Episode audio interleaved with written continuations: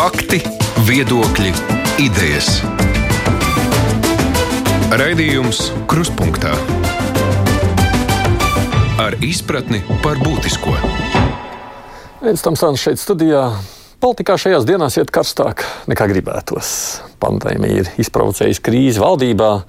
Slimības izplatībai turpinoties, tā mēneši no mēneša nu, nākas saskarties arī ar veselības ministru nomaiņu. Par to, kas notiek valstī, ir ļoti daudz ko runāt. Bet, nu, visi šie pēdējo dienu notikumi nav iemesls, lai atteiktos no šodienas uzrunātā viesa aicināšanas uz raidījumu, jo gal galā krīze nav tikai Latvijā. Tā faktiski ir pārņēmusi daudz pasaules valsts un ir tik daudz par ko runāt pasaules kontekstā. Tādēļ piesaku mūsu šīs dienas kruspunktā viesi ārlietu ministru Edgars Rinkevičs. Labdien! Jums. Labdien! Šī tā reize, kad žurnālisti un klausītāji var uzdot savus jautājumus, izmantojiet iespēju, tātad sūtiet tos caur mājaslapu raidījumam krustpunktā. Zvanīšana gan es tā kā aicinātu izmantot pēc iespējas mazāk izjautās ministrija kolēģi Uģis Lībijams, tepat Latvijas raidījos Indienas. Sveiks, Uģi! Sveicināt. Un arī Jānis Ivāns, portāls Delfa. Labdien! Sveiki! Es gribu tomēr iespēju sākumā izmantot arī pajautāt par pašmāju kaislībām. Arī tajā salīdzinājumā, kaut vai skatoties, kas notiek Eiropā, un mēs redzam, tās ziņas nāk no dažādām valstīm, kur neapmierinātība ar to, kas notiek ar vakcināciju, parādās ar vien plašāk, ne tikai Latvijā. Vai nav tā, ka tā mūsu gatavība vakcinācijā, vai tā viņa tiešām būtu sliktāka? Citur taču ministri tāpēc amata nezaudē. Es domāju, ka par tiem iemesliem, kāpēc ministra prezidents izvēlējās pieprasīt veselības ministras demisiju, viņš ir skaidri teicis, tas tomēr ir vairāk apstākļu, daudz konceptuālāku domstarpību summa. Un, es domāju, ka ministra prezidentam ir tiesības, ja viņš jūt, ka viņš nevar sastrādāties ar ministru, izmantot arī savas gan konstitucionālās, gan politiskās tiesības arī ministru lūgt aiziet. Kas attiecās uz gatavību vakcinācijai, jums ir taisnība. Tas šobrīd tiešām ir samērā karsts temats divu iemeslu dēļ. Pirmais, tam dēļ, ka mums vēl nav pietiekami vakcīnu, un mēs redzam, ka tās cerības, ka atsevišķu vakcīnu akreditācija būs ātrāka, vismaz Eiropas Savienībā, pagaidām nepiepildās. Nu, šodien ļoti gribētu cerēt, ka Otra tā saucamā modernas vakcīna tiks uh, apstiprināta un arī būs pieejama, vēl vairākas kavējās. Un otra lieta ir šie tēmi. Uh, es nedomāju, ka mums vajadzētu salīdzināt sevi ar lielvalstīm. Mēs varam sevi salīdzināt ar kaimiņu valstīm. Pagaidām, vismaz pēdējo dienu laikā, tomēr šī vakcinācija nedaudz atpalika.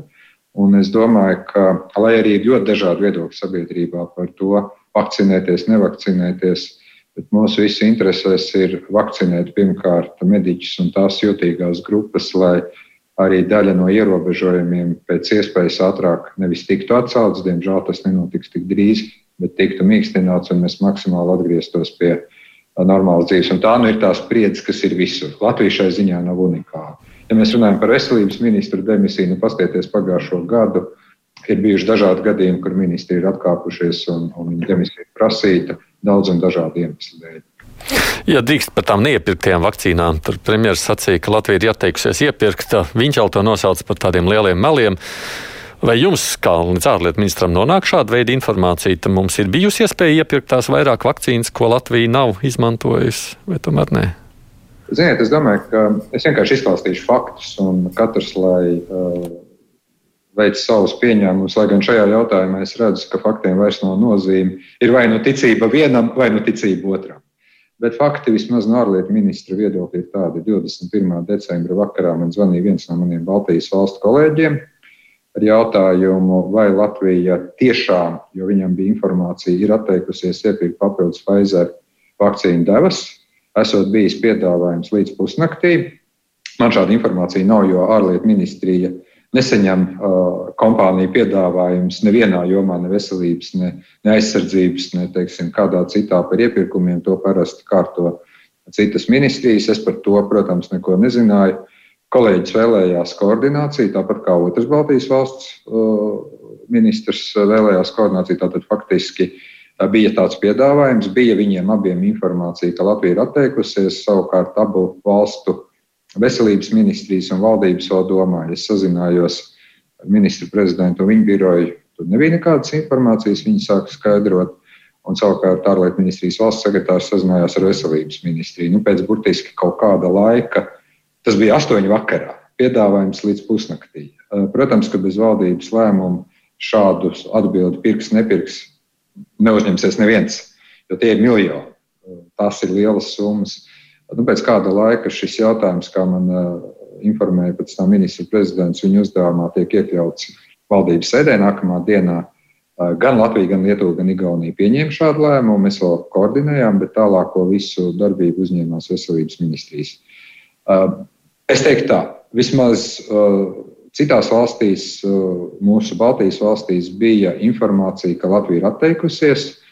Man ir grūti pateikt, jo tas, ko mēs pirmotnēji dzirdējām no kolēģiem, vismaz vadības līmenī, ka viņi arī nebija līdz galam informēti. Vai bija kāda formāla saraksta, vai nebija kāda formāla saraksta? Veselības ministrijā to es jums atbildēju, kā ārlietu ministrs nevarēšu. Ja vēl par vakcīnām, es nezinu, vai man kolēģi tur grib ko prasīt, bet nu, parā, mūsu pašu portāls LSM ir publicējis šobrīd, pārpublicējis lielā mērā, ja atsaucies uz Špīgala rakstu ka vispār visā Eiropā mēs varētu runāt, ka Eiropas komisijas šī iepirkuma stratēģija ir izgāzusies. Kā tad jūs vērtējat šo stratēģiju? Nu, ziniet, es domāju, ka šo stratēģiju mēs varēsim vērtēt nevis šodien, kad vakcinācija tiešām sākās, bet mēs varēsim vērtēt aptuveni divu mēnešu laikā, kur ir mani tie varbūt atskaites punkti. Pirmais atskaites punkts cik ātri mēs tiešām varēsim, kā Eiropas Savienība, akreditēt un izmantot vairāk ražotāju vakcīnu. Šobrīd mums ir oficiāli akreditēts viens, tas ir Pfizer. Vissarežģītākā vakcīna cits starpā, un es saprotu arī tos, kas saka, ka šādu sarežģītu vakcīnu divas devas, ļoti zema uzglabāšanas un sarežģīta transportēšanas procedūra, ka šis varbūt nav tas labākais, bet šis ir vienīgais. Un mūsu interesēs, kā jau teicu, visiem ir maksimāli ātri vakcinēt pirmkārt mediķus, visus uh, ārstus, lai mums nebūtu pārslodzi slimnīcās. Slimnīcās jau mums netrūkst gultas, slimnīcās mums trūkst mediķi. Otra lieta - visi šie uh, ļoti sensitīvie uh, sociālie sabiedrības slāņi, veci cilvēki, sociālās aprūpas nama aprūpētāji, un tie ir divi, trīs mēneši. Otra lieta - mēs redzam, ka nevedās tātad ar citu uh, ražotāju vakcīnu akreditāciju, bet es šeit negribētu nevienam neko pārmest, jo mēs visi gribam, lai vakcīna būtu maksimāli efektīva un arī droša. Tā steidzami kaut ko teikt, viss ir kārtībā, duram iekšā un pēc kāda laika secinām, ka ir blaknes vai kādas problēmas, nu negrib neviens. Tāpēc es teiktu tā, lai gan sākums ir, manuprāt, lēns, lai gan ar iepirkumiem ir gājis, kā ir gājis, bet konkrēti vērtējumu es teiktu, mēs varētu dot martā, aprīlī, kad mēs redzēsim, cik un kādas vakcīnas mums ir pieejamas. Mūsu pašu stratēģija vakcīnu iepirkumā, kā jūs zinat, bija balstīta uz citu ražotāju, kas vēl nav tuvu akreditācijai AstraZeneca, jo mūsu eksperti uzskata to par vienkāršāko, kas ir taisnība. Bet, diemžēl, ja tā vienkāršākā vakcīna no labu laiku netiks akreditēta, mums nebūs nekā. Nu, tad jūs varat iedomāties, kāda skaistlības būs pēc pāris mēnešiem. Un, tas, kas šodien notiek, mums liksies tāds mazs pavisam nevainīgs bērnu lūgas. Nu jā, no tāda viedokļa skatoties, jau tā veselības ministrijas piedāvātais plāns, ko jūs tur valdībā skatījāt, vai skatīsit, vai skatījāt, nesapratu, tad ir diezgan bezjēdzīgs, ja tā vakcīna vispār nav. Pirmkārt, es gribētu teikt, ka plānam, kā mēs sākam administrēt vakcīnas, ir jābūt diezgan detalizētam, un ministra prezidents par to jau ir diezgan daudz un skaidri runājis, kur viņš rada šīs problēmas. Pirmā problēma ir tā, ka tomēr būtu, manuprāt, vairāk jāliek uzsvars uz centralizāciju. Varbūt kaut kāda centrāla vakcinācijas štāba izveide varētu palīdzēt. Otrakārt, kā uh, un kādā veidā cilvēki saņems informāciju, un neaizmirstam arī, ka Šeit ir daudz, kas nevēlas vakcinēties, un tā ir brīva izvēle, un piespiest viņus neviens nevēlas. Tā pašā laikā, ko es nevaru izslēgt, ka būs daudzas avio kompānijas un valstis, kuras pateiks, bez vakcīnas mūsu valstī neierodas. Tās būs viņu tiesības, un tā būs paša cilvēka izvēle. Ceļot, kaut ko darīt. Tur nu, mēs arī ietekmēt neko daudz nevarēsim. Bet šeit, Latvijā, tāda diskusija valdībā ir bijusi, tāda ir bijusi veselības ministrijas un ekspertu nostāja. Mēs nevienu nespiedīsim. Tā pašā laikā, kas vēlās vakcinēties, Šiem cilvēkiem būtu jāsaprot, kā viņi tiks informēti. Kaut kādas iezīmes šajos dokumentos ir, bet uh, es domāju, ka mēs vēl rīt par šo diskutēsim un iespējams arī nākamnedēļ. Nu, es atceros arī diskusijas pagājušajā gadā valdības sēdē. Daudziem ministriem bija vēlme uh, tomēr daudz detalizētāku, plašāku un sīkāku šo plānu iztirzājumu redzēt. Tāda ir tā realitāte. Bet jums ir arī taisnība, ka, protams, viena lieta ir uzrakstīt skaistu plānu, otra lieta - šī plāna izpilde atbilstoši realitātēm. Būs daudz vakcīnas, mums ir jābūt spējīgiem šīs vakcīnas nekavējoties un maksimāli īsā laikā izmantot.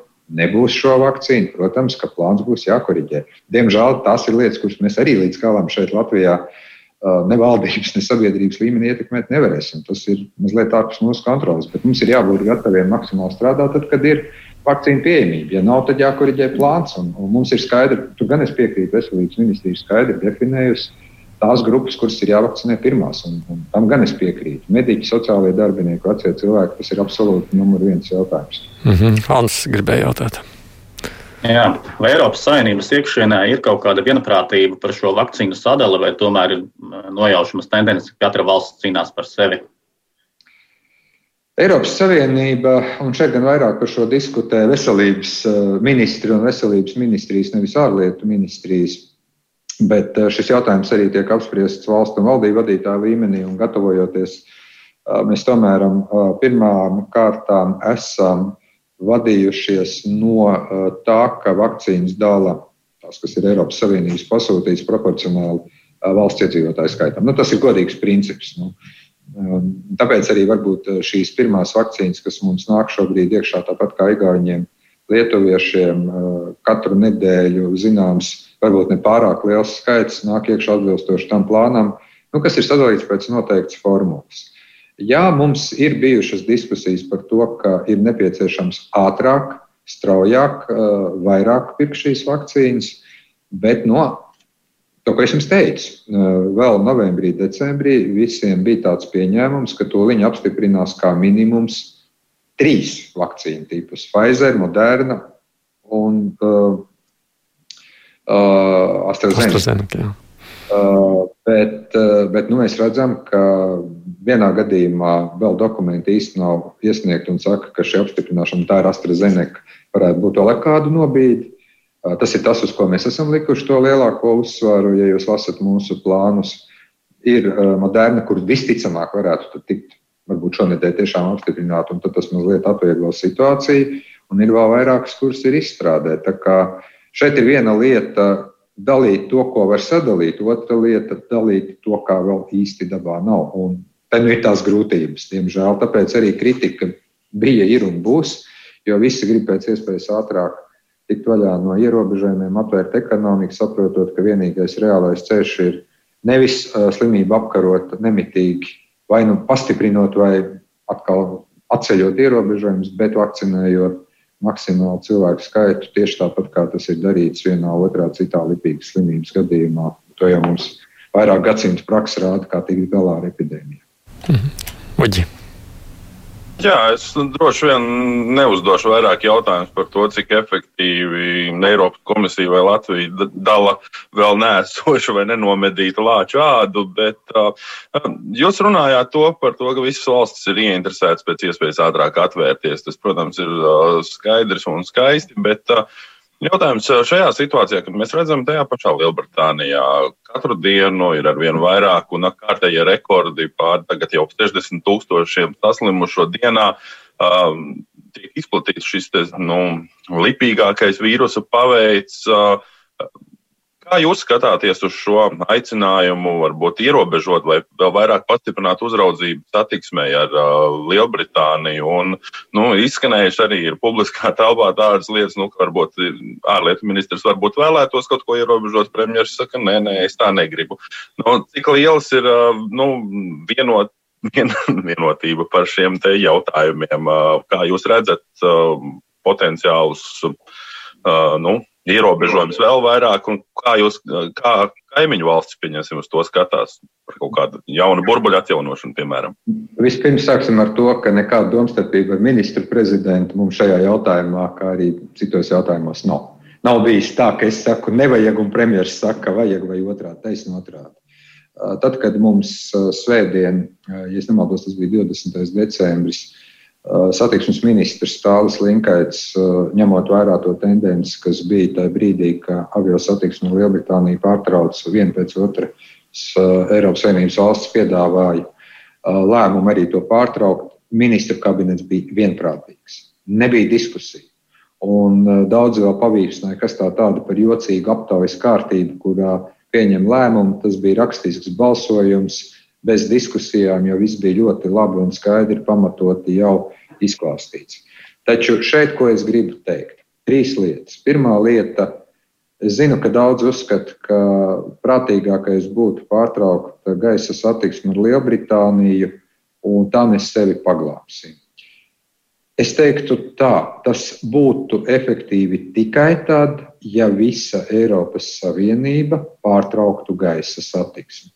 Jo, ja jums ir situācija, jūs netiekat uz reisu Rīga, Londona vai Londona, Rīga, bet jūs varat atlidot Londona, Berlīna, Rīga, piemēram, tad šiem ierobežojumiem īsti jēgas nav. Tāpēc, kamēr vēl nebija skaidrība, Latvija, Lietuva, Igaunija, starp citu, nokoordinēja svētdien šo lēmumu vienprātīgi, lai viens otram neuzdāvinātu pasažierus pēdiņās, pieņēma lēmumu pārtraukt līdz 1. janvārim satiksmi. Tika skaidrot apstākļi, tad, kad vairākas valstis pārliecinoties nu, par tām politikām, kādas var piemērot, sāk atjaunot satiksmi, arī koordinēti Baltijas valsts šo lēmumu pieņēma. Šobrīd, man vēl šodien pēcpusdienā ir paredzēta Baltijas valstu ārlietu ministru videokonference mēs lemjam par vienotas prasības, jo tas būs tas pirmais solis uz burbuli, ko jūs teicāt. Tikai, diemžēl, varbūt vēl ne kopīgas ceļošanas, bet vismaz kopīgas ierobežojuma burbuli. Mēs izskatām iespēju lemt par, un es ceru, ka rīt uh, valdības arī to lems, uh, jo mēs koordinējam šos jautājumus šobrīd cieši par uh, obligāta negatīva. Šeit vēl ir jautājums par stundām, līdz 72 stundām Covid testu uzrādīšanu pirms iekāpšanas lidostā, vienalga no kurienes jūs lidojat. Līdzīga prasība mēs uzskatām, ka ir jāattiecina arī uz sauszemes un jūras transportu. Gribat ar prāmi no Stokholmas uz Rīgu, lūdzu, iekāpjot prāmī Stokholmā, negatīvs Covid tests. Mūsuprāt, tas būs efektīvāk. Tas neatcels Latvijas gadījumā obligāto pašizolācijas prasību.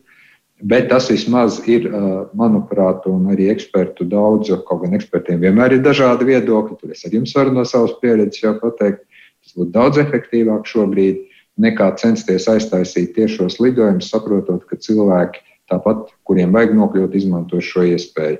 Un mēs arī redzējām to situāciju, kad mēs organizējām teiktu, pusotru repatriācijas reisu, vienu uz Rīgu un, un, un vienu uz Tallinu, kādas ir šīs vajadzības Nu, nebija gluži gan arī tā, ka brauca tikai cilvēki, lai apraudzītu radiniekus. Lielbritānijā tajā brīdī bija ieķērušies, piemēram, sociālo dienas darbinieki, kas pildīja tur darba pienākumus bērnu tiesību aizsardzības jomā. Tur bija dažāda publika un arī cilvēki, kas tiešām bija pamatoti. Tāpēc, mūsuprāt, negatīva testa prasība tomēr būs nedaudz efektīvāka nekā vienas valsts lēmums aiztaisīt satiksmi, ja citas valstis to nedara un panākt šo izpratni Eiropas Savienībā nav iespējams. Faktiski vairākums Eiropas Savienības valstu vēlās uzturēt satiksmi ar Lielbritāniju. Tik tādā ziņā, bet Dita saka, ka vajag vispār slēgt ciet. Viņa domā, ka jūs esat atbildīgs par to, ka jūs esat atstājuši robežu vaļā, un līdz ar to cilvēki šeit ierodas un atved to vīrusu. Jā, es saprotu, kā ārlietu ministrs tad ir visu lietu ministrs, jo pa priekšu mēs skaisti padiskutējām par vakcināciju, tagad mēs skaisti padiskutējam par robežu slēgšanu. Tas gluži nav lēmums, ko pieņem ārlietu ministrija. Ārlietu ministrijas funkcija gan ir viena cita. Tajā brīdī, kad cilvēki kaut kur iestrēgst ārpus valsts vai netiek, tad mēs strādājam, lai viņus palīdzētu nogādāt atpakaļ. Bet es varu pateikt ļoti vienkārši. Ja mēs slēdzam pilnībā satiksmi un kādam liekas, ka tas ļoti palīdzēs tikt galā ar epidēmiju, tad tas, ko es esmu dzirdējis ne tikai Latvijā, bet visur citur, visiem ir pilnīgi skaidrs, ka šī epidēmija sen jau vairs nav importa stāsts. Viņi jau sen plosās mūsu valstīs, un mums ir jātiek galā šeit uz vietas viens. Otrs, ja mēs slēdzam pilnībā gaisa satiksmi, tad ir jautājums par samērīgumu. Tādā gadījumā tas neapšaubām vēl vairāk ietekmē jau tādu samērā trauslu ekonomiku.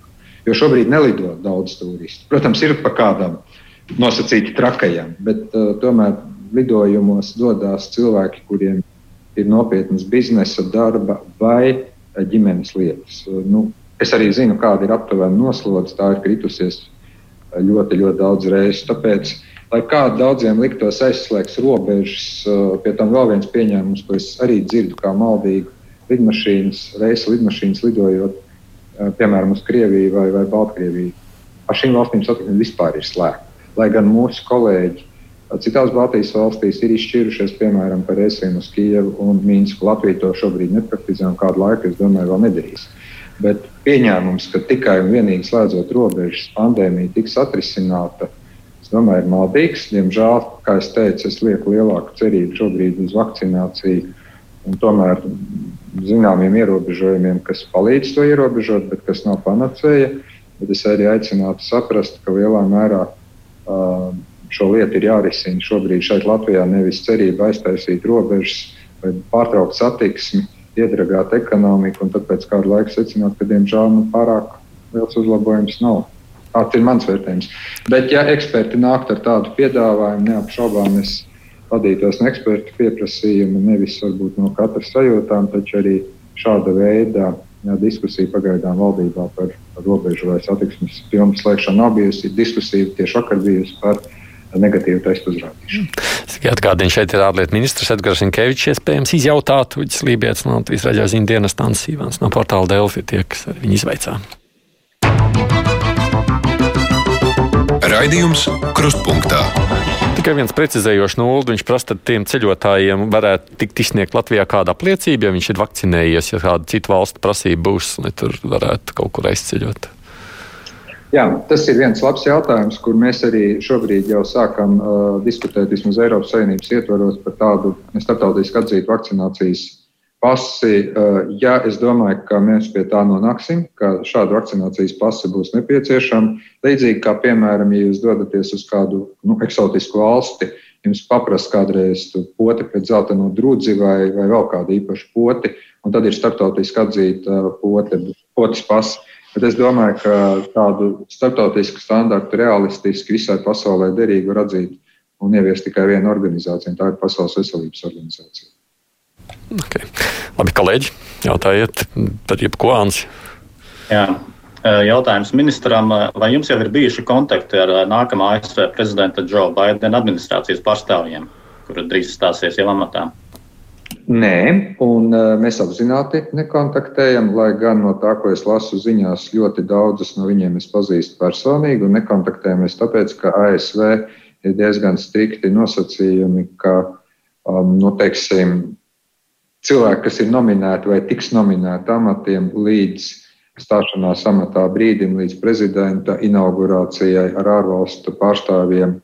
Nekontaktēju, jūs atceraties, ar kādu skandālu 2016. gada beigās ienākošā, toreiz ienākošā prezidenta Trumpa administrācijas cilvēkiem tas beidzās. Šobrīd ASV pusē šie noteikumi tiek stingri ievēroti, bet pēc 20. janvāra mēs sāksim kontaktēt. Es varu teikt, ka es personīgi esmu ticies un pazīstu jauno topošo ASV valsts sekretāri Bārlietu ministru Blinkenu kungu. Viņš bija Obamas administrācijas laikā ministra vietnieks. Mēs esam tikušies.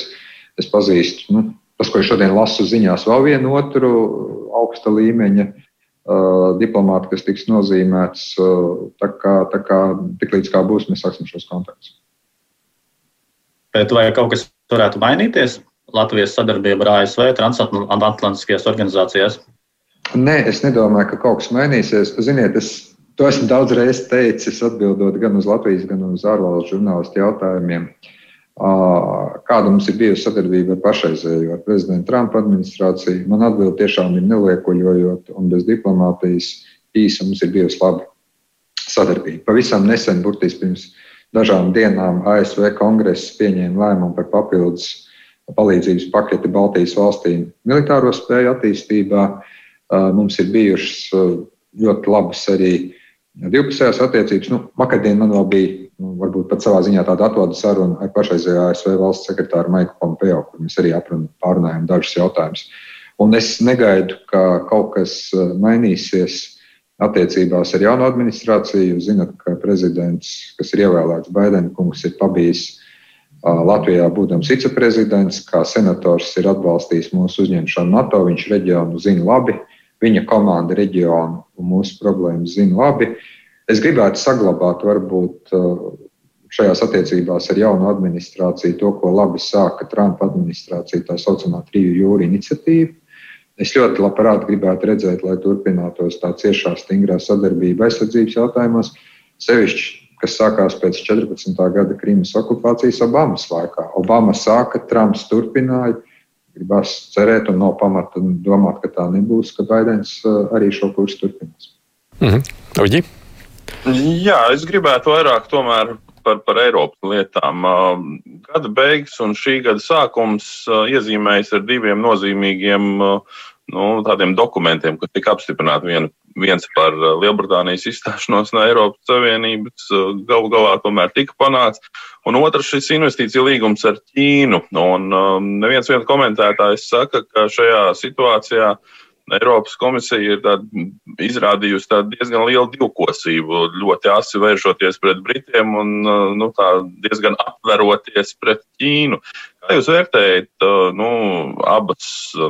Abas šīs vienošanās, ko tas arī dos Latvijai, un jā, vai ir pamats teikt, ka Eiropa varbūt nu, kaut kur ir gatava pievērst acis arī ekonomisko interešu dēļ?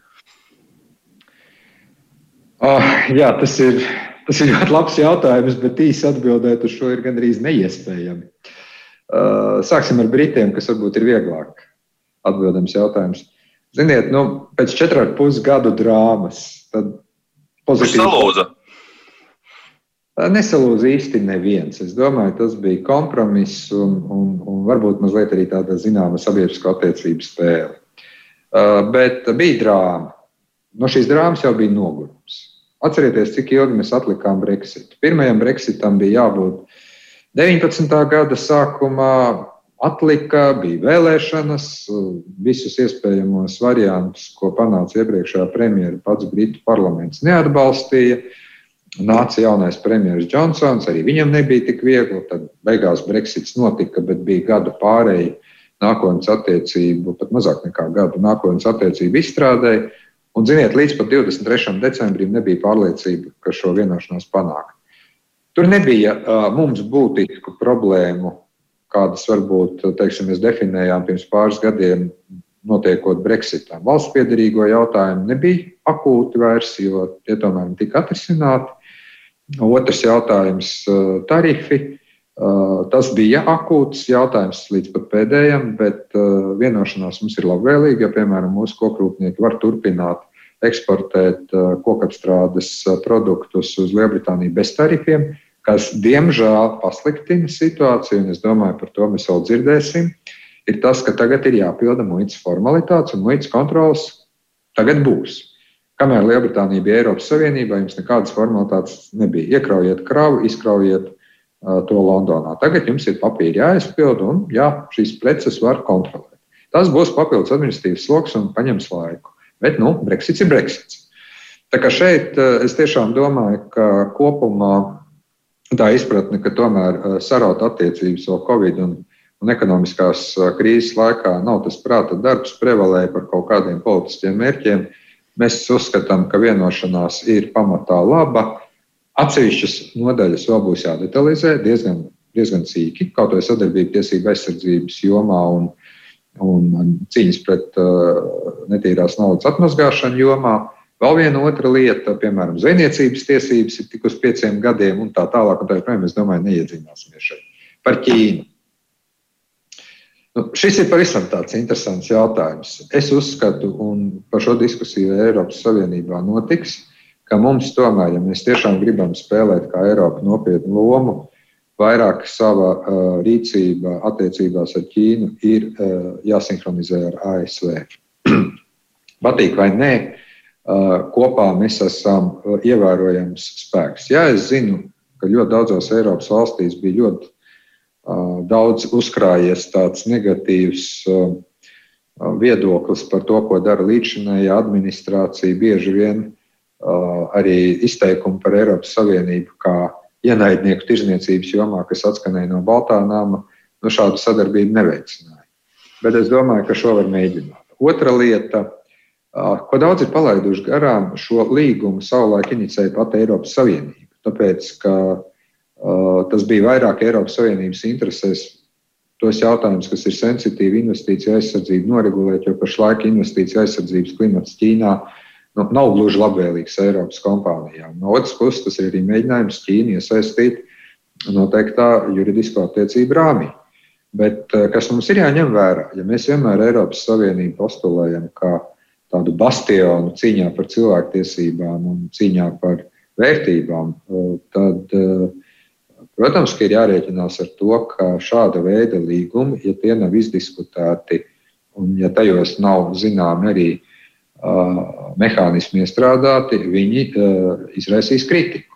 Un es domāju, ka mums vēl par šo diskusiju Eiropas Savienības ārlietu padomē šogad būs. Tāpēc es pašlaik teiktu tā, ir labi, ka veidojās juridisks satvers, uh, kas ir mūsu interesēs lielā mērā, bet ir divas lietas, par kurām ir jādiskutē. Cik tālu mēs esam gatavi tādā gadījumā uh, iestāties un kur mēs sākam šo trauslo līniju starp vērtībām un interesēm attiecībās ar Ķīnu, cilvēktiesības, Hongkongu, Tibeta, Uiguru jautājums. Es te varētu arī skaitīt visas šīs problēmas. Un otra lieta, kā mēs tomēr diskutējam ar savu sabiedroto, ar savu tuvāko drošības, politikas un ekonomisko sabiedroto Amerikas Savienotām valstīm. Ne tik daudz NATO kā Eiropas Savienības ASV ietvaros. Ļoti īsi mēģināju atbildēt, bet sanāca gara atbildi, jo jautājums bija nu, ļoti, ļoti plašs. Nu, lai būtu arī kaut kas mazliet citādāk, es nezinu, jā, vai gribēju Uģis vēl sīkāk jautāt, bet nu, kāda klausītāja jautājuma arī jāielaiž. Ir. Halo! Labdien! Labdien. Es gribu ministru kungām uzdot vienu jautājumu, jautājumu nu, trīs precīzāk. E, televīzija apakšā uzrakstīja, ka iesaldēts algas. Es nesaprotu, vai algas ir iesaldēts vai alga pielikums ir iesaldēts. Tas pirmais. Otrais ir, es domāju, ka kaut kas nav kārtībā ar datoru iepirkšanu skolā. Nu, bet jums jārēķinās, ka šis ir ārlietu ministrs. Tā kā droši vien, ka šie nebūs īstie jautājumi, ko vajadzētu uzdot viņam. Algu pielikums ir iesaldēts, es atbildēšu ātri ministra vietā. Bet tad drīzāk Roberto jautājums, vai jūs varētu pajautāt, vai ir atbalsts Krievijā notiesātai ģimenei, kas spiegoja Latvijas labo? Vispirms es tiešām nevaru noliegt, apstiprināt, vai šī ģimene spiegoja Latvijas labā, tāpēc, ka es nevadu pēcdienestu un es stipri apšaubu. Nu, vismaz no tiem uh, lietas materiāliem, kas ir lasīti presē. Uh, visticamāk, ka šeit vairāk ir tāda, piedodiet par, par žargonu, špionamānija, kas ir šobrīd Krievijā arī ļoti populāra. Meklēt spiegus vietā, nevietā, jo cilvēks ir kaut kur pabijis kāzās un kaut ko publicējis sociālos tīklos. Nu, Nu, labi, ja nu kādam rādās spiegošana, tad varbūt Baldriāņus jāietver. Bet es tiešām, tiešām man tādas informācijas goda vārds nav, un es uh, nedomāju, ka tā ir taisnība. Viens. Otrs, nē, tādā gadījumā, tā kā tie ir Krievijas pilsoņi, tie nav Latvijas pilsoņi, tad nekāda ne konsulārā, ne citu veidu palīdzība šādos gadījumos, protams, sniegta netiek. Jo saskaņā ar starptautiskām tiesībām, nu, ja teiksim, kāds Latvijas pilsonis tiek aizturēts, apsūdzēts spiegošanā, un tiesāts, tad, protams, ka viņiem ir tiesības pilna apjoma attiecīgās valsts konsulārā palīdzība, bet tas neatiecās uz attiecīgās valsts pilsoņiem, piemēram, Krievijas pilsoņiem. Vienalga, kā labā viņi tiek apsūdzēti, Amerikas, Ziemeļkorejas vai, es nezinu, Kongo Tautas Demokrātiskās republikas spēcdienās labā strādājoši pilsoņi. Tad, Pat, protams, šāda veida palīdzība nevar tikt sniegta vienkārši saskaņā ar starptautiskām tiesībām. Tā kā labs, iedrošinošs jautājums, bet Bet nu, nav man tādu ziņu, ka būtu spiegots, un nav man tādu ziņu, ka, ka būtu īpaši vērtīgs sociālo tīklu ieraksts mums atsūtīt. Uģi, tu gribēji ko prasīt? Jā, es gribētu uzdot vēl vienu jautājumu par, par divi, divu valstu prezidentiem. Uh, par divu valstu prezidentiem, proti par uh, to, kā pašlaik veidojās attiecības ar Baltkrieviju un uh, tās vadību, kāda viņi ir. Un otrs ir uh, Kā Latvija reaģē uz to, ka Venecuēlā arī ir tagad nomainījusies, parlaments sastāvs un faktiski vairs nav īsti tāda nu, liela demokrātiska pamata uzskatīt Juanu Gaido par uh, oficiāli ievēlētu prezidentu? Šis būs arī gana garš jautājums, bet īsāk atbildāms. Attiecības ar tā saucamo pašreizējo Baltkrievijas vadību mums nav. Tas ir iesaldēts kopš brīža, kad mēs kopā ar Eiropas Savienību paziņojām, ka mēs neuzskatām Aleksandru Lukašenko par leģitīmi ievēlētu. Protams, ka mūsu diplomātiskie pārstāvi piedalās ārlietu ministrijas brīfingos kopā ar pārējiem Eiropas Savienības kolēģiem, jo ir zināmas funkcijas, kas ir jāveic, bet augsta līmeņa politisko kontaktu nav tie iesaldēti. Kas attiecās uz Venecuēlu, tad uh, es gribētu teikt, ka mēs tajā brīdī, kad uh, decembra sākumā notika uh, Nacionālās asamblejas vēlēšanas, kas mūsuprāt savā ziņā ļoti līdzinājās Baltkrievijas vēlēšanu farsam, skaidri paziņojām, ka mēs neatzīstam šīs vēlēšanas, ka mēs uzskatām, ka tās ir notikušas pretrunā visām demokrātiskajām normām, un līdz ar to mēs šo ievēlēto asambleju neatzīstam. Un mēs uzskatām, ka vienīgais ceļš, kā tikt ārā no šīs krīzes ir tas, ko mēs esam teikuši jau no 19. gada sākuma. Tātad uh, ir pagaidu prezidents Gaido, ir vēlēšana process, ir jauns prezidents un ir jauna Nacionāla asambleja. Mm. Ansi. Jā, par Baltkrieviju gribēju papildus pajautāt, vai Latvijai ir kaut kādi kontakti ar Baltkrievijas opozīciju un kaut kāda palīdzība tai? Ņemot vērā, ka arī kāds no opozīcijas pārstāvjiem pat Latvijā dzīvo, uzturās. Jā, mums, protams, ir kontakti ar uh, Baltkrievijas uh, dažādu uh, līmeņa politiskajiem pārstāvjiem, opozīciju, kā jūs, kā jūs to dēvējat. Jūs atceraties, ka novembrī bija Skanovskas kundze šeit Rīgā. Es arī ar viņu esmu ticies, ticies vairākas reizes Rīgā, Viņā, Briselē. Mēs esam tikušies ar Cepkālo kungu, kas arī pārstāv citu politisko spēku un kas arī ir opozīcijā, kurš ir šobrīd izvēlējies par savu dzīvesvietu kopā ar dzīves biedri Latviju. Un mēs ik pa brītiņam dažādos līmeņos regulāri apspriežam politisko situāciju Baltkrievijā. Vai mēs sniedzam kāda veida atbalstu tieši opozīcijai, kā politiskai opozīcijai? Nē, jo tā tiešām būtu traktējama kā jaukšanās citu valstu lietās, bet mēs, un to jūs labi zināt, tā nav nekāda slēpjama informācija. Esam snieguši gana daudz atbalstu cilvēku ārstēšanā, studentiem tagad mēs sniedzam atbalstu. Daugopils universitātē būs arī iespēja diviem, šeit diviem zinātniekiem strādāt. Tur izglītības un zinātnes ministrs Šuplīnskas kundze vēl pagājušajā gadā virzīja dokumentus sadarbībā ar ārlietu ministriju Mēs sniedzam atbalstu mēdījiem, sniedzam atbalstu nevalstiskajām organizācijām, un arī šogad ir paredzēts finansējums šī atbalsta sniegšanai. To lēma gan saima papildus vēl budžeta kontekstā, gan arī šādas summas ir iekļautas ārlietu ministrijas budžetā. Un es domāju, ka nu, šogad mēs varētu runāt, es pagaidām vēl negribētu saukt precīzus skaitļus, jo tas būs vairāk institūciju atbalsts, bet atbalsts būs vairākos simtos tūkstošu eiro. Bet varētu precizēt, kā par kādiem mēdījiem ir runa, kuriem ir atbalsts? Mēs sadarbojamies ar, tā, pagājušā gada mēs sadarbojāmies ar Baltijas Mēdīs cilības centru. Mēs šo procesu tieši necenšamies neiespaidot, ne kontrolēt. To dara jūsu pašu nozares profesionāļi, atbalstot nozares profesionāļus. Tāpēc precīzāk, kas, kā un kā kāda veida atbalsts ir sniegts kam. Es tiešām aicinātu jautāt viņiem, starp citu, tas ir darīts uh, apzināti, jo mēs tiešām vēlamies, lai šī sadarbība notiek nevalstisko organizāciju ziņā, nevis birokrāti nolēmtu, kas ir labāk, kas ir sliktāk.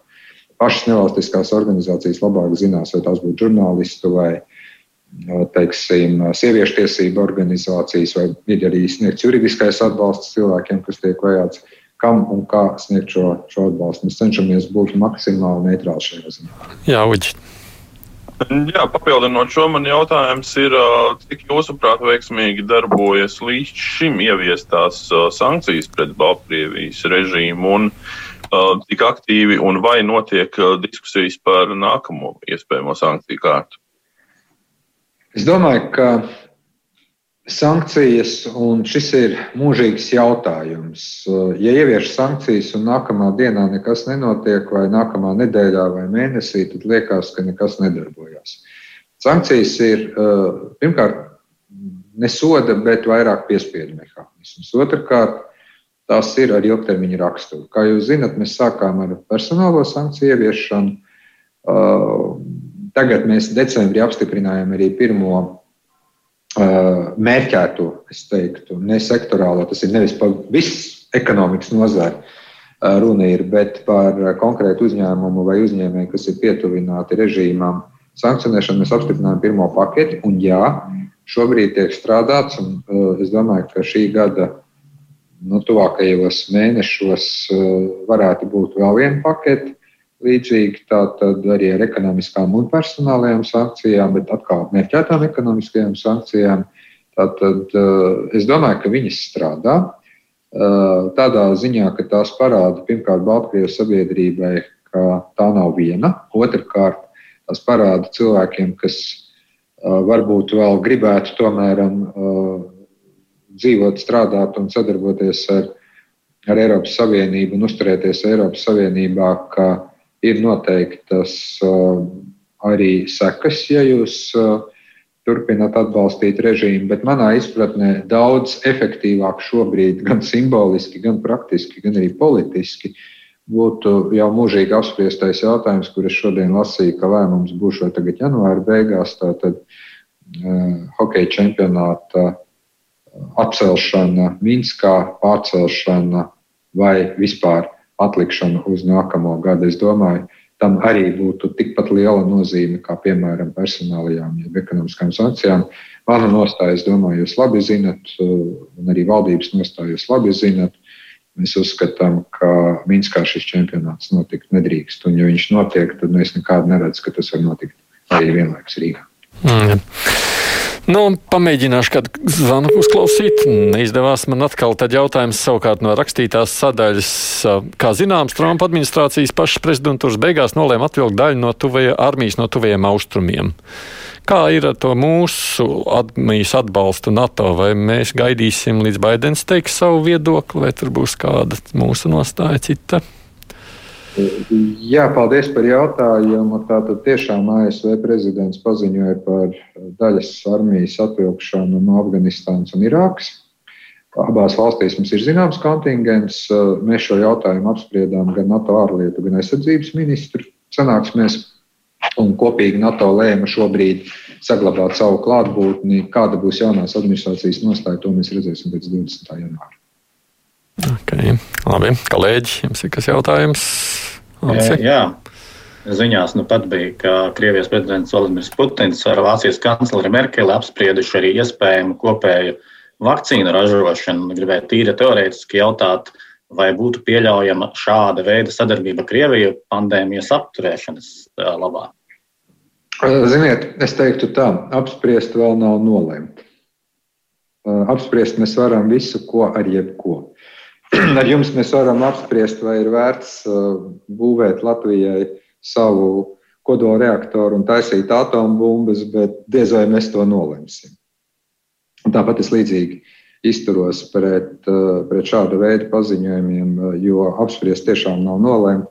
Es gan būtu ļoti šaubīgs par kaut ko tādu, jo mums ir ļoti daudz jautājumu pret Krievijas vakcīnu, vakcīnas ražotājiem, vakcīnu efektivitāti. Un jūs zināt, ka Eiropas Savienība faktiski ir nolēmusi neizmantot Krievijas vai, vai kādas citas vakcīnas. Ir noteikts uh, vakcīnu saraksts. Un par to mēs diskutējām šī raidījuma sākumā. Es šaubos, ka tas vispār ir realistiski. Uh, bet, ja līdz tādam lēmumam nonāktu, es teiktu, ka tas nebūtu pats pareizākais lēmums, ko pieņemt. Hmm. Šeit man liekas, ir tā nianse, ka jautājums ir, vai Krievija ir gatava palīdzēt šo vakcīnu ražošanā kas jau ir apstiprināti. Vai šī gadījumā nevajadzētu izmantot? Es nezinu. Nu, mēs zinām, ka to pašu Pfizer vakcīnu diezgan aktīvi ražo Indijā. Nu, tādas varbūt ne visai politiski draudzīgas valsts, bet varbūt svarīgas. Redziet, te tiešām ir būtisks tas, par ko mēs runājam. Vai mēs attīstām kopēju vakcīnu? Domāju, ka nē. Vai, piemēram, ir iespēja, ka Krievija sāk savā teritorijā ražot kādu no rietumu vakcīnām un vakcinēt savus cilvēkus? Es domāju, ka šeit tai nevajadzētu būt problēmai. Vakcinācija ir domāta visiem cilvēkiem, un tas ir humāns un medicīnisks pasākums, nevis politisks pasākums. Ja Krievija ir gatava, teiksim, piemērot rietumos izstrādāts un ražots vakcīnas, un kompānijas ir gatavas ražot un vakcinēt cilvēkus, un tādā ziņā faktiski nu, varbūt tā Krievijas vakcīna netiek izmantota. Nu, par to gan varētu diskutēt, jo vēlreiz es domāju, visi ir ieinteresēti, lai tā sērga pazūd vai vismaz mazāk traucē cilvēkus, neatkarīgi no tā, kādā pasaules nostūrī tā ir. Ja mēs runājam par kaut kādu Krievijas vakcīnas ražošanu Eiropā, tad es teiktu tā, tad ir pirmkārt jautājumi par visiem kvalitātes rādītājiem, par pārbaudēm, par vispārējo. Un šeit es būtu diezgan atturīgs un vismaz noteikti, tad, kad pienāks mana kārta vakcinēties, kad tā būs, Es noteikti gribētu, lai mani vakcinē ar, ar kādu, nezinu, Pfizer vai, vai Modernas vai AstraZeneca uh, vakcīnu, bet es būtu stipri, stipri uh, šobrīd šaubīgs par kādu citu, kas nav apstiprināta Eiropas Savienībā. Um, drīkst, es vēl gribētu jautājumu, kas droši vien arī nav tā īsi un ātri atbildams. Uh, Um, šī gada sākumā Irāna ir paziņojusi par savu um, kodola ambīciju teiksim, tā, stiprināšanu un arī urāna bagātināšanas aktivizēšanu. Um, Eiropas Savienība vienmēr ir, uh, nu, tā kā, ja mēs runājam par Irānas kodola vienošanos, vairāk vai mazāk ir bijusi tomēr Irānas pusē, nevis ASV pusē. Kā tagad Eiropas Savienība nu, gatavojas reaģēt uz šādu Teherānas soli? Ziniet, eh, manuprāt, ka šo Irānas paziņojumu vajadzētu vērtēt pašlaik primāri kā sveicienu jaunajai ASV administrācijai. Nu, tāda pozīcija nostiprināšana pirms sarunām. Neaizmirsīsim, ka Irānas vienošanos par uh, kodolieroču uh, neizstrādāšanu un programmas kontroli noslēdz Obamas administrācija, Eiropas Savienība, Krievija, Ķīna un Irāna 2015. gadā. Prezidenta Trumpa administrācija lēma izstāties no šīs vienošanās, piemēroja sankcijas. Eiropas Savienība, kā jūs pamatot arī norādījāt, iestājās par šīs vienošanās turpināšanu. Manuprāt, ka šeit mēs pirmkārt sagaidīsim jaunā ASV administrāciju, zinot, cik daudz šobrīd gaida no šīs administrācijas visos iespējamajos jautājumos, sākot no klimata pārmaiņu līguma. Un prezidenta kandidāts Baidens un tagad jau ievēlētais prezidents Baidens vēlēšana kampaņā solīja, ka ASV pievienosies šim līgumam un kļūs atkal par šī līguma sastāvdaļu. Es teiktu, ka varbūt Irānas jautājumā sākotnēji būs ASV un Eiropas Savienības konsultācijas, kā turpināt un kā strādāt. Ir vēl viena maza nianse, kas var ļoti daudz ko noteikt arī ASV pozīcijā uh, Un tikai pēc tam, es domāju, mēs varēsim runāt arī par kādu diskusiju Eiropas Savienības līmenī, ir, kā beigsies eh, ASV eh, senāta vēlēšanas Džordžijā. Mēs redzam, ka viens demokrāts ir ievēlēts. Nu, pirms sākās šis raidījums, es skatījos, otrs demokrāta kandidāts eh, bija vadībā, bet nav pasludināts par uzvarētāju. Tur var būt balsu pārskaitīšana. Bet, ja šis otrs kandidāts uzvar, Tad demokrāti kontrolēs arī senātu, kas ir absolūti būtisks jebkuras starptautiskās vienošanās apstiprināšanā. Tas maina prezidenta Baidena, protams, iespējas ārpolitikai. Tas būs republikāņu kontrolēts senāts. Un republikāņi vienmēr ir bijuši pret Irānas vienošanos. Nu, tad es domāju, arī prezidents Baidens varbūt eh, nebūs ļoti noskaņots uz tādu strauju šīs problēmas risināšanu, un tad šī lieta paliks uh, savā ziņā iesaldēta. Un, ja Irāna reāli sāks attīstīt savas spējas, kā tā ir paziņojusi pretēji noslēgtiem līgumiem, tad es neredzu citu iespēju, ka arī Eiropas Savienība pasakā, nu tad, nu tad viss 15. gada vienošanās tiek skaisti apglabāta, un vienīgais, ko mēs varam darīt, ir sākt sarunas no nulles. Bet šis ir tāds pagaidām vēl neatbildams jautājums nevienam, ne ASV, ne Eiropas Savienībai, ne pašai Irānai. Nu, es vēl mēģināšu beigās paspēt pacelt arī kādu klausuli. Halo! Labdien! Labdien. Nu, varbūt tas nav pa tēmu, bet es vienkārši gribēju jums pateikties par izcilo latviešu valodu. Tik reti var dzirdēt, ka tik pareizi un skaisti runā un inteliģenti latviešu. Es tikai gribēju pajautāt, kādu skolu jūs esat beidzis, ka jūs tik brīnišķīgi runājat. Re. Dabūjāt uzslavu par valodu. tu tad vēl ir kolēģiem iespēja, Jānis, tev vēl ir kāds jautājums, vēl pāris minūtes mums ir brīdis. Jā, par to pašu Irānu varam paturpināt. Kā Irānas pozīcijas un kaut kādas perspektīvas ražot atomieročus ietekmē Arābu valstu attiecību uzlabošanu Izrēlu un nu pat arī vakar vai aizvakar Arābu valstis vienojās pārtraukt Kataras boikotu. Es domāju, ka tas ir viens no ļoti būtiskiem aspektiem, kāpēc izvērtējot, kurš ir bīstamāks, pie malas tiek nolikts gadu desmitiem ilgais pretrunu, un es pat teiktu, zināmā mērā savstarpējā naida kamols un tiek mēģināts veidot attiecības. Protams, ka milzīgu lomu spēlē arī aktīvā ASV loma cenšoties panākt uh, atsevišķu arābu valstu un Izraels attiecību noregulējumu. Bet es domāju, ka, ka, jā, ka ja jūs runājat ar arābu valstu pārstāvjiem vai, vai sakojat līdzi uh, viņu izteikumiem, tad jūs redzat, ka nu, tie draudi līča reģionā no Irānas tiek uztverti daudz šobrīd nopietnāk nekā varbūt vēsturiski uh, jautājumi, sākot no palestīniešu jautājumu un visiem citiem jautājumiem. Un, un tad beigās tomēr tiek meklēta kaut kāda uh, attiecību normalizācija. Es nedomāju, ka mēs šeit runāsim kādu laiku par kādām labām attiecībām, bet fakts, ka uh, pastāv normālas diplomātiskās attiecības šajā reģionā starp Arābu valstīm un Izraelu, uh, nu, tas ir vēsturisks noz, no, notikums, kuru pandēmijas dēļ mēs varbūt nespējām novērtēt. Uh, nezinu, pirms desmit gadiem par šo ziņu runātu pāris nedēļas. Šobrīd par šo ziņu runāju pāris stundas, jo, diemžēl, bija citas nepārāk labas ziņas, par ko diskutēt. Labi, cienījamie sarunas dalībnieki, neuzsāksim jaunu tematu, jo nepaspēsim to arī vairs pabeigt. Es jums saku paldies, ka atradāt laiku un iespēju iesaistīties šajā sarunā mums un, nu, atbildēt uz jautājumiem. Tas vispirms attiecas uz ārlietu ministru Garinkeviču. Paldies jums! Paldies! Protams, arī man kolēģi, kas šeit bija gatavi iztaujāt, Ants Ivāns, portāls Delfi un Ivģis Lībijams, kurš ir Latvijas raidījuma ziņdienas. Paldies arī jums! Paldies. Bet kurš man tā producents ir Revija Junām, un studijā šodien biju es, Aidis Tomsons.